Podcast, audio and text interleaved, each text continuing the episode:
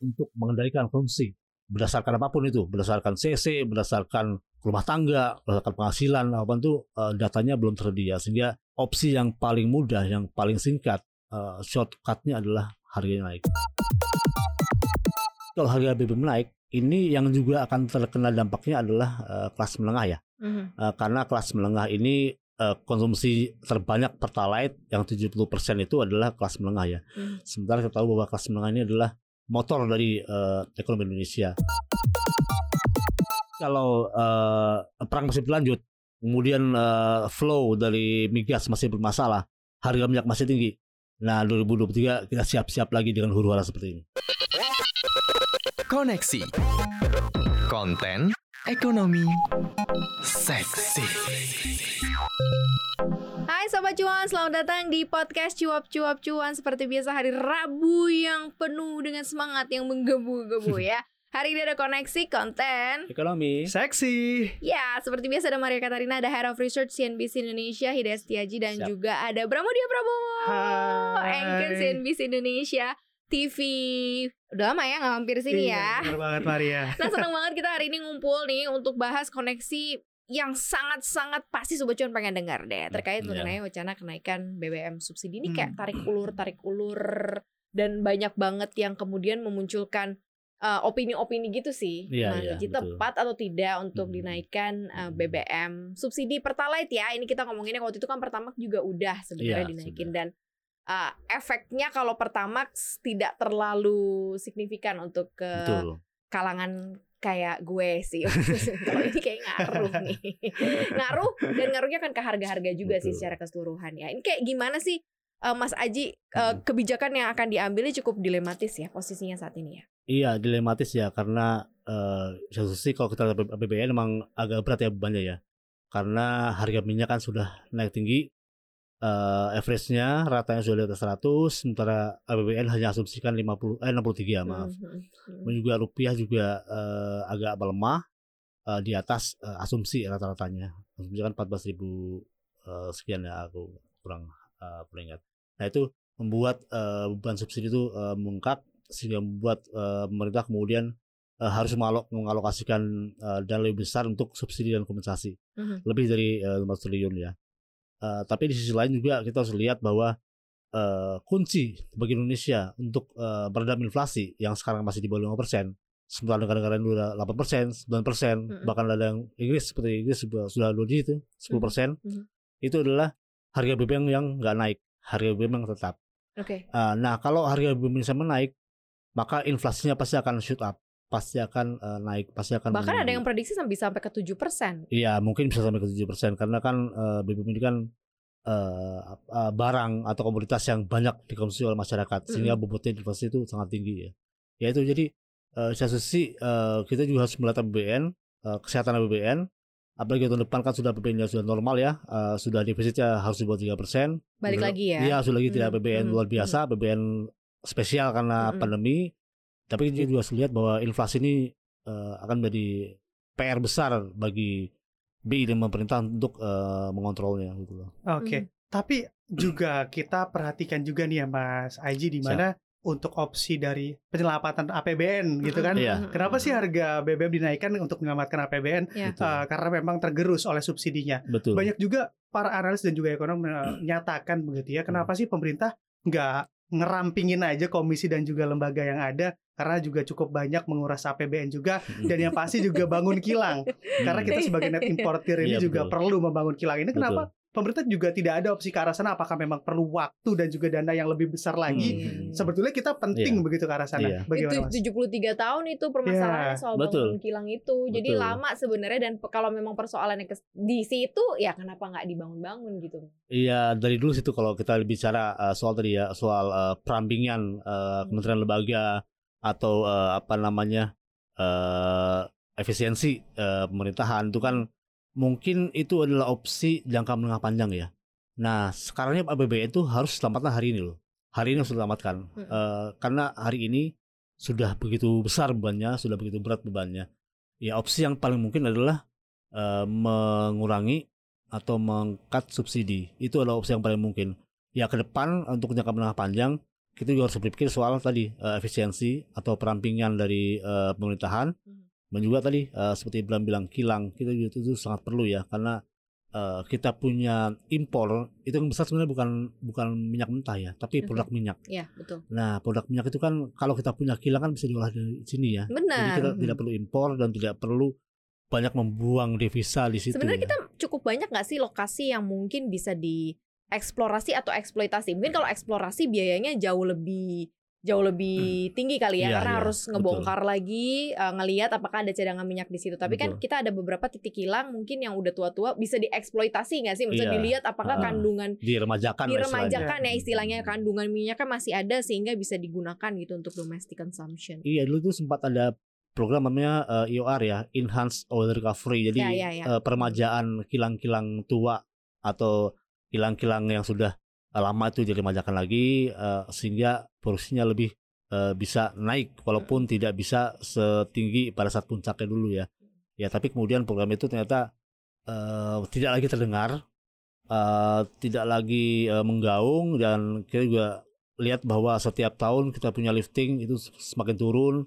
Sekarang sudah di kisaran 700 eh, ribu barrel per hari, sementara beberapa tahun lalu masih eh, 800 900 gitu.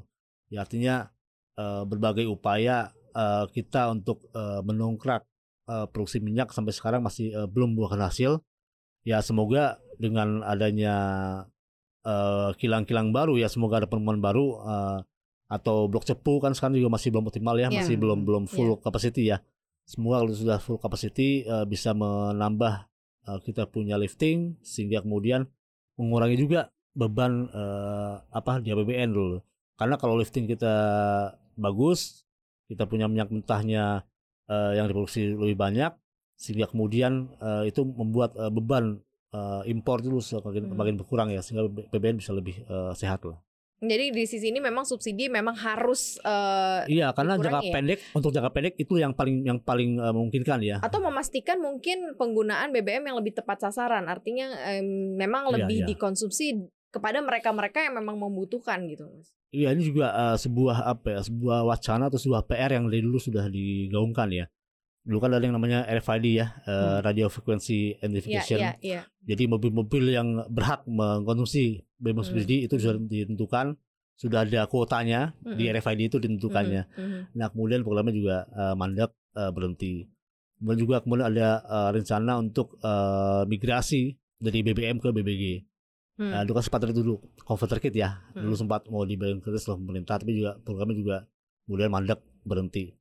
Nah kemudian sekarang eh, dicoba dengan aplikasi kan, My Pertamina My misalnya. Pertamina, benar. Nah tapi juga sampai sekarang sepertinya belum terlalu eh, berjalan dengan dengan efektif, dengan lancar sehingga ya lagi-lagi pemerintah harus menempuh eh, jalan pintas yaitu Hmm. naikin harga karena untuk me- mengendalikan konsumsi berdasarkan apa pun itu berdasarkan CC berdasarkan eh, lu- rumah tangga berdasarkan penghasilan apa itu eh, datanya belum tersedia sehingga opsi yang paling mudah yang paling singkat eh, shortcutnya adalah harganya naik Hmm. Nah, Ya, ini benar. juga bicara terkait subsidi menarik nih ya Maria dan juga Iya, Mas Haji. betul Apabila kita bicara subsidi, sebetulnya sudah dijabarkan begitu bahwa memang subsidi energi kita khususnya BBM ternyata 95% tidak tepat sasaran iya atau digunakan oleh orang-orang yang tidak berhak begitu. Betul. Apa memang negara juga harus mengganti begitu pola subsidinya yang biasanya subsidinya uh, barang jadi ke uang begitu Mas Haji? Iya ke ke orang ya Ke orang, orang, orang ya, yang langsung. yang langsung me- berhak menikmati ya itu sudah juga sudah wacana yang sudah lama ya. jadi eh, subsidi itu harusnya menikmati oleh mereka yang eh, berhak ya oleh eh, rumah tangga berpendapatan rendah oleh MBR masyarakat berpendapatan rendah. Nah itu juga kuncinya adalah data ya karena pemutahiran data ini kan eh, harus terus menerus dilakukan ya harus terus menerus eh, berkala dilakukan eh, setiap tahun mungkin karena di lapangan itu eh, pastinya nanti akan ada kendala apakah eh, mereka Pengawasan yang juga harus penting juga Betul, berarti kan betul. nomor satu itu. mereka yang berhak menikmati eh, ternyata tidak menikmati mereka yang tidak berhak menikmati ternyata menikmati Iya, iya. itu pasti akan ada di lapangan itu memang problem problematik ya jadi ya tadi data tuh harus jadi jadi kunci jadi benar-benar tingkatkan kualitasnya sehingga Hmm. kemudian subsidi ini benar-benar tepat sasaran dan tidak lagi menjadi beban lah buat APBN karena yang menikmati adalah eh, benar-benar mereka yang berhak. Nah tapi ada kemudian eh, problem kedua soal subsidi ini uh, boleh jadi mungkin uh, subsidinya uh, mungkin hanya boleh dinikmati oleh uh, mereka yang uh, berhak. Tapi kalau harga BBM naik, ini yang juga akan terkena dampaknya adalah uh, kelas menengah ya. Mm-hmm. Uh, karena kelas menengah ini uh, konsumsi terbanyak pertalite yang 70% itu adalah kelas menengah ya. Mm. Sementara kita tahu bahwa kelas menengah ini adalah motor dari uh, ekonomi Indonesia. Uh, mungkin dua per tiga konsumsi rumah tangga itu disumbang oleh kelas menengah ya. Yeah. Nah kelas menengah ini agak problematik ya. Kelas menengah ini dia nggak eligible, hmm. nggak hmm. berhak dapat subsidi. Cuman kalau subsidi sendiri juga berat loh. Hmm. Nah ini, juga soalnya di tengah-tengah iya, tengah -tengah, middle ya. Tengah-tengah kita nggak berhak dapat subsidi, cuman kalau sendiri juga susah, gitu. berat juga kalau harga naik. lah ya. iya, ya itu yang agak repot. Ya itu juga mungkin perlu di dipikirkan oleh pemerintah uh, bagaimana caranya agar kelas menengah ini tetap bisa konsumsi, tetap bisa spending supaya pertumbuhan ekonominya bisa tetap terjaga. Misalnya dengan uh, telolah subsidi pajak. Hmm. Misalnya PPh 21-nya uh, diskon lah atau bagaimana. Jadi kelas menengah itu tetap mendapatkan uh, semacam apa ya bantuan lah dalam petik supaya mereka bisa tetap bisa spending gitu berat tahu uh, berat berat itu berat. berat banget. Nah Pak JK kan juga kemarin belakang eh, baru-baru ini juga statement kan di CNBC Indonesia TV di obrolannya bahwa memang di periodenya dia pun juga menaikkan BBM waktu itu sampai dua kali bahkan betul, ya betul. 30 persen di Maret di Oktober bahkan sampai 128 persen. Tapi dia meng, tapi dia mengklaim gitu uh, bahwa uh, ketika terjadi pada saat itu uh, kondisinya sebenarnya uh, kenaikan harga BBM pemerintah juga berupaya mengurangi tingkat konsumsi BBM itu menjadi fokusnya. Nah, hmm. sekaligus JK menyadari hmm. bahwa program bantuan langsung tunai juga diberikan pada saat itu. Yeah, yeah. Dan pertumbuhan ekonomi 5 sampai 6% sebelumnya 4%. Jadi yeah. sebenarnya ada data-data yang uh, baik kok jadinya pulih. Hmm. Apakah itu bisa kita samakan dengan kondisi ketika zaman 2000 berapa tuh 2008 ya hmm. sama sekarang nih Mas Aji? Uh, agak beda ya karena 2008 itu adalah masalahnya adalah minyak tanah kerosin. Hmm. Jadi waktu itu subsidi tanah eh, bengkak sehingga pemerintah uh, mengurangi subsidi minyak tanah sehingga mengurang uh, kemudian dengan cara adalah uh, mengkonversi minyak tanah ke LPG 3 kilo yang kita kenal dengan gas melon itu. Nah itu berhasil, cukup berhasil, cukup berhasil uh, untuk menekan subsidi signifikan sehingga kemudian uh, ekonominya tadi masih bisa tumbuh dan lebih baik bisa disehatkan. Kemudian juga tahun 2013 ya, 13 itu juga sempat harga BBM naik Nah itu masalahnya adalah uh, premium waktu itu. Mm-hmm. Waktu itu masalahnya premium uh, dan sekarang masalah adalah pertalite. Nah, jadi uh, ada perbedaan uh, apa ya perbedaan komoditas ya, beda mm-hmm. barangnya. Cuman ya kenapa subsidi dari dulu sampai sekarang masih tetap menjadi uh, momok buat APBN nah itu kan sebenarnya adalah PR yang harusnya sudah diselesaikan dari dari zaman kapan kan dari dulu. Ini benar, benar. Nah, kalau kita lihat dari posisi sekarang kan nih, hmm. Bram, sebenarnya uh, pemerintah juga mau naikin mau ada rencana menaikkan iya. BBM uh, bersubsidi atau pertalite tapi juga sudah mewacanakan bahkan sudah di Papua ya dibagiin untuk yeah. bantuan langsung yeah. tunai uh, dan juga bantuan hmm. subsidi uh, gaji gitu. Yeah. Nah, ini gimana sih Mas mekanismenya? Eh, aku sih nggak tahu ini perhitungan ya mungkin sobat cuan yeah. uh, nanya kayak gini juga atau receh banget ya pertanyaan gue.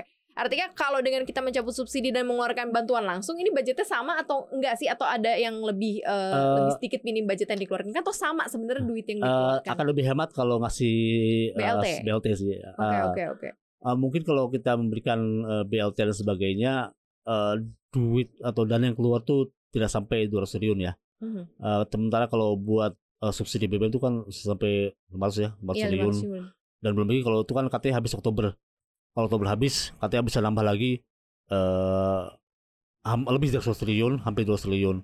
Nah artinya emang lebih lebih murah untuk memberikan kompensasi kepada masyarakat langsung. Dan yang pasti juga mungkin orang yang di daerah sana banyak yang tidak memiliki kendaraan Maria, tapi betul. juga terdampak dari harga pangan yang naik. Betul, Jadi memang betul. mungkin Jadi, lebih tepatnya okay, ya, ya, dikasih ya, ya. Uh, bantuan langsung tunai itu tadi. Betul, Jadi reaksi betul. dari kenaikan BBM kan memang banyak ya, termasuk betul. kenaikan terhadap harga-harga gitu. Betul. Tapi ber cukup berhasil atau enggak sih uh, BLT yang sebelum-sebelumnya kalau kita compare dengan apa yang kita akan dapatkan nih untuk iya. uh, berapa tuh tadi masyarakat dengan gaji di eh, tiga setengah juta ya betul BSU ya iya tiga bantuan subsidi upah dan hmm. enam ratus ribu rupiah empat kali uh, pemberian gitu ya ini hmm. seperti apa sih mas kalau dilihat dari ya kira kita kan depend on kenaikan harga BBM ini juga tetap kita harus jaga konsumsi betul. daya beli gitu betul, cukup betul. Baikkah uh, dengan apa yang dilakukan dan iya. mekanisme ini ya ini kan apa ya uh, solusi atau obat uh, jangka pendek sampai akhir 2022. Hmm. Nah, kalau uh, tahun depan ternyata kondisinya sama dengan sekarang, maka huru hara yang seperti ini akan uh, turun lagi, gitu loh. Jadi ya kita semua berharap bahwa perang di Ukraina segera selesai, Mhm. segera ada solusi, segera ada perdamaian, sehingga kemudian uh, trade flow dari migas ini uh, bisa kembali normal, sehingga harga minyak dunia bisa uh, kembali ke uh, level uh, rendah, tidak tinggi seperti sekarang. Nah kalau itu terjadi maka uh, 2023 kita akan relatif aman, kita akan aman. 2023 aman. Ya, Oke. tapi kalau uh, perang masih berlanjut, kemudian uh, flow dari migas masih bermasalah, harga minyak masih tinggi. Nah, 2023 kita siap-siap lagi dengan huru hara seperti ini. Hmm, gila. Ngeri ya. Serem amat maksudnya maksudnya Ya, karena dulu- worst, uh, worst karena APBN, ya. APBN 2023 tidak disusun dengan uh, asumsi harga minyak uh, mungkin akan lebih tinggi gitu loh. Siapa tahu ntar 2023 harga minyaknya juga bisa tetap tinggi seperti sekarang. Oke, Mas Haji, ini juga sempat viral begitu ya terkait perang Rusia Ukraina ini terhadap harga minyak di mana salah satu menteri kita memberikan opsi kenapa kita nggak beli minyak dari Rusia aja sih? Iya, iya. Murah gitu ya. Paling Iya, juga betul, betul. kita Kan kalau dia di embargo Iya. Amerika Serikat nggak bisa makan McD doang. Katanya kalau dia jual berapa di bawah harga aja dia bisa kayak nambah berapa gitu ya. Betul, Iya, betul. Itu gimana ya. sih Mas sebetulnya? Ya ini agak-agak eh, ragu-ragu sih ya. Pertama, emang harga minyak Rusia itu murah. 30% lebih murah daripada pasar. India udah beli, Cina udah beli, dan oh, so far mereka nggak ada masalah. Fine-fine aja. Hidupnya masih eh, berlangsung dengan baik lah. Nggak ada problem apa-apa. Nah kita tuh eh, khawatir kalau kalau nanti kita beli minyak dari Rusia, kita bisa kena sanksi dari US kan. Karena US kan ngasih sanksi bahwa Siapa yang siapa pun yang berdagang. berdagang dengan Rusia, membeli minyak Rusia, Bukan maka teman. tidak akan bisa berhubungan berdagang dengan Amerika, Amerika. Serikat. Iya. Nah. Nah, sebenarnya US, US adalah salah satu eh, mitra dagang utama kita, salah satu mitra investasi FDI kita juga. Nah, mungkin itu yang bikin eh, posisi pemerintah agak-agak masih ragu lah, karena khawatir nanti US-nya mutung kan marah nanti. Tapi sebenarnya kemungkinan itu bisa kan ya sebenarnya. Maksudnya kalau menjadi Hmm, Bisa satu aja. opsi pilihannya bisa diambil sebenarnya. Bisa kan aja ya. karena toh India dan China beli minyak Rusia fine-fine aja kan, gak ada masalah. Hmm. Ya, ya mungkin eh, mereka sudah siap dengan berbagai, eh, kalaupun di transaksi mereka mungkin sudah siap. Mereka juga sudah punya sistem keuangan eh, SWIFT-nya mereka sendiri, sehingga Hmm. kalau di- dikucilkan dari SWIFT atau ditembak dari SWIFT, mereka masih bisa survive. Nah, kita mungkin belum eh, bersiap sampai ke sana. Iya iya iya. Jadi kalau US eh, ngamuk, mungkin kita juga akan lebih kerasa dampaknya gitu. Iya. Jadi Tesla deh. Betul. Apalagi juga kalau eh, diamati juga kita kan memang takut sama embargo karena takut capital outflow. Betul. Sebetulnya Iya, kalau iya, misalnya iya, iya. Amerika gitu embargo kita, capital outflow-nya bakal separah apa sih Mas Haji? Eh lumayan ya kalau misalnya eh, apalagi kalau kemudian eh, sanksi US tidak hanya di sektor perdagangan ya, juga sampai ke keuangan. Misalnya eh, Yu- Biden akan mengeluarkan dekret bahwa mereka yang berdagang dengan eh, Rusia maka eh, apa namanya sanksinya juga termasuk ke sektor keuangan Mhm. gitu loh. Jadi tidak boleh membeli aset-aset di negara yang berdagang dengan Rusia. Nah itu kan lumayan ya, karena investor-investor eh, terutama korporasi ya, yang besar itu kan dari US ya, seperti BlackRock dan sebagainya itu kan dari US. Nah kalau mereka keluar kan eh, dampaknya kan sangat terasa sih. sangat kerasa ya karena memang mitra dagang terbesar Iya, eh, utama juga Betul, utama juga betul. Ame- Indonesia dan juga Amerika Serikat Ya, ini dilematis lah ya Hmm. buat Iya, iya. eh, pemerintah dan sebenarnya agak perlu kehati-hatian tapi tidak punya banyak pilihan gitu Iya ya. betul. Jadi ya mau gimana kita masyarakat rakyat ya harus bersiap-siap Ya. akhirnya ya. balik Hmm. lagi cek Hmm. kocek keuangannya lagi nih sobat cuan eh, mungkin agak sedikit dirampingin ikat pinggangnya mungkin Iya. ya yang worth it aja lah kalau mau bepergian gitu atau Iya. naik kendaraan umum akhirnya balik lagi jadi nggak usah beli be- bensin ya nggak sih gitu kali ya Mas Aji ya Ya agak agak emang agak harus prihatin lah, prihatin lah kalau kita lihat ke depan. masanya lagi prihatin. masa Iya. prihatin Iya. gitu ya Mas ya. Masyarakatnya prihatin, nanti ngaruhnya ke konsumsinya juga prihatin. Ini Iya. juga jadi dilematis. Nah itu dilematis. Nanti kalau minyak nggak tumbuh kan? Ya, banyak lah ya makanya Iya. ini uh, kita akan tunggu aja sebenarnya berapa Hmm. persen kenaikannya walaupun banyak asumsi yang muncul di kisaran berapa nanti kita bisa beli pertalite dua belas ribu, sepuluh ribu, Katanya sepuluh ribu sih katanya. ribu ya, katanya Iya. sepuluh ribu ya. Dan ada banyak sekali asumsi perhitungan uh, inflasi nantinya ya. Iya. Mungkin kalau memang lagi fasenya prihatin kita prihatin dulu kali ya sekarang ya Sobat Cuan. Betul. Oke Sobat Cuan segitu aja koneksi hari ini. Thank you banget udah dengerin kita hari ini. Jangan lupa untuk dengerin konten podcast kita lainnya. Di mana aja Bram? Di Spotify, Apple Podcast, Google Podcast, dan juga Anchor. Pokoknya banyak. Gampang banget dengerinnya. Benar. Follow juga akun Instagram kita di @cuap underscore cuan dan subscribe YouTube channel kita di cuap cuap cuan. Di like, di share, di komen apa aja yang harus kita bikin juga ke depannya silahkan ya Sobat Cuan ya. Tulis di kolom komentar. Dan jangan lupa saksikan juga konten podcast kita di CNBC Indonesia TV. Sekali lagi thank you banget ya Sobat Cuan udah dengerin kita hari ini. Maria Katarina pamit. Aji pamit. Bram pamit. Bye Sobat Cuan.